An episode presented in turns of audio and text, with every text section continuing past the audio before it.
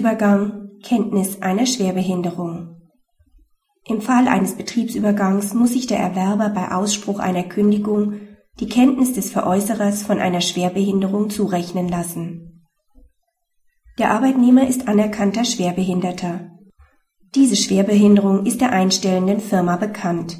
Einige Jahre später geht das Arbeitsverhältnis im Wege eines Betriebsübergangs auf den heutigen Arbeitgeber über. Anlässlich einer Betriebsschließung kündigt der Arbeitgeber das Arbeitsverhältnis ohne Zustimmung des Integrationsamts aus betriebsbedingten Gründen. Der Arbeitnehmer erhebt Kündigungsschutzklage. Nach Auffassung des BAG ist die Kündigung wegen Verstoßes gegen den Sonderkündigungsschutz schwerbehinderter Menschen unwirksam. Um den Sonderkündigungsschutz zu erhalten, muss sich der Arbeitnehmer zwar im Normalfall innerhalb einer dreiwöchigen Frist gegenüber dem Arbeitgeber auf die Schwerbehinderteneigenschaft berufen. Das ist im vorliegenden Fall unterblieben.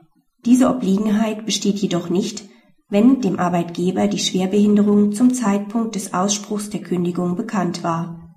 Das ist hier der Fall, weil sich der Arbeitgeber als Betriebserwerber die Kenntnis des Betriebsveräußerers von der Schwerbehinderung zurechnen lassen muss nach 613a BGB geht das Arbeitsverhältnis mit allen Rechten und Pflichten auf den Betriebserwerber über. Die Vorschrift will insbesondere verhindern, dass der Übernehmer bei der Übernahme der Belegschaft eine Auslese trifft. Die Rechte der Parteien sollen anlässlich des Betriebsübergangs weder erweitert noch geschmälert werden.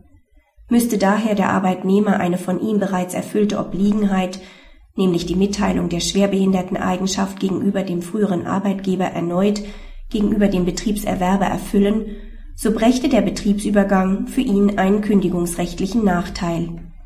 Ähnlich hat die Rechtsprechung auch für die Einhaltung von Ausschlussfristen entschieden. Die rechtzeitige Geltendmachung von Forderungen gegenüber dem Betriebsveräußerer genügt demnach auch zur Wahrung einer Ausschlussfrist gegenüber dem Betriebserwerber der vollständige Eintritt des Betriebsübernehmers in die Rechte und Pflichten des bisherigen Arbeitgebers bedeutet nicht nur eine Nachfolge in allen rechtlichen Beziehungen, sondern der Übernehmer muss sich auch tatsächliche Gegebenheiten zurechnen lassen, die als Tatbestandsmerkmale für spätere Rechtsfolgen von Bedeutung sind. Das entspricht dem Sinn und Zweck von 613a BGB. Praxishinweis Die Entscheidung ist von großer Bedeutung bei der Vorbereitung von Unternehmensübernahmen, die im Wege eines Betriebsübergangs vollzogen werden. Demnach ist es in der Prüfungsphase erforderlich, sich etwa sonderkündigungsgeschützte Mitarbeiter vom Betriebserwerber namentlich nennen zu lassen.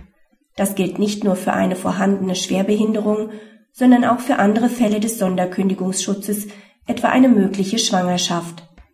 Die Abfrage der Personaldaten im Vorfeld des Betriebsübergangs ist hier zwangsläufig zulässig, da sie der Erfüllung späterer arbeitsrechtlicher Verpflichtungen des Betriebserwerbers dient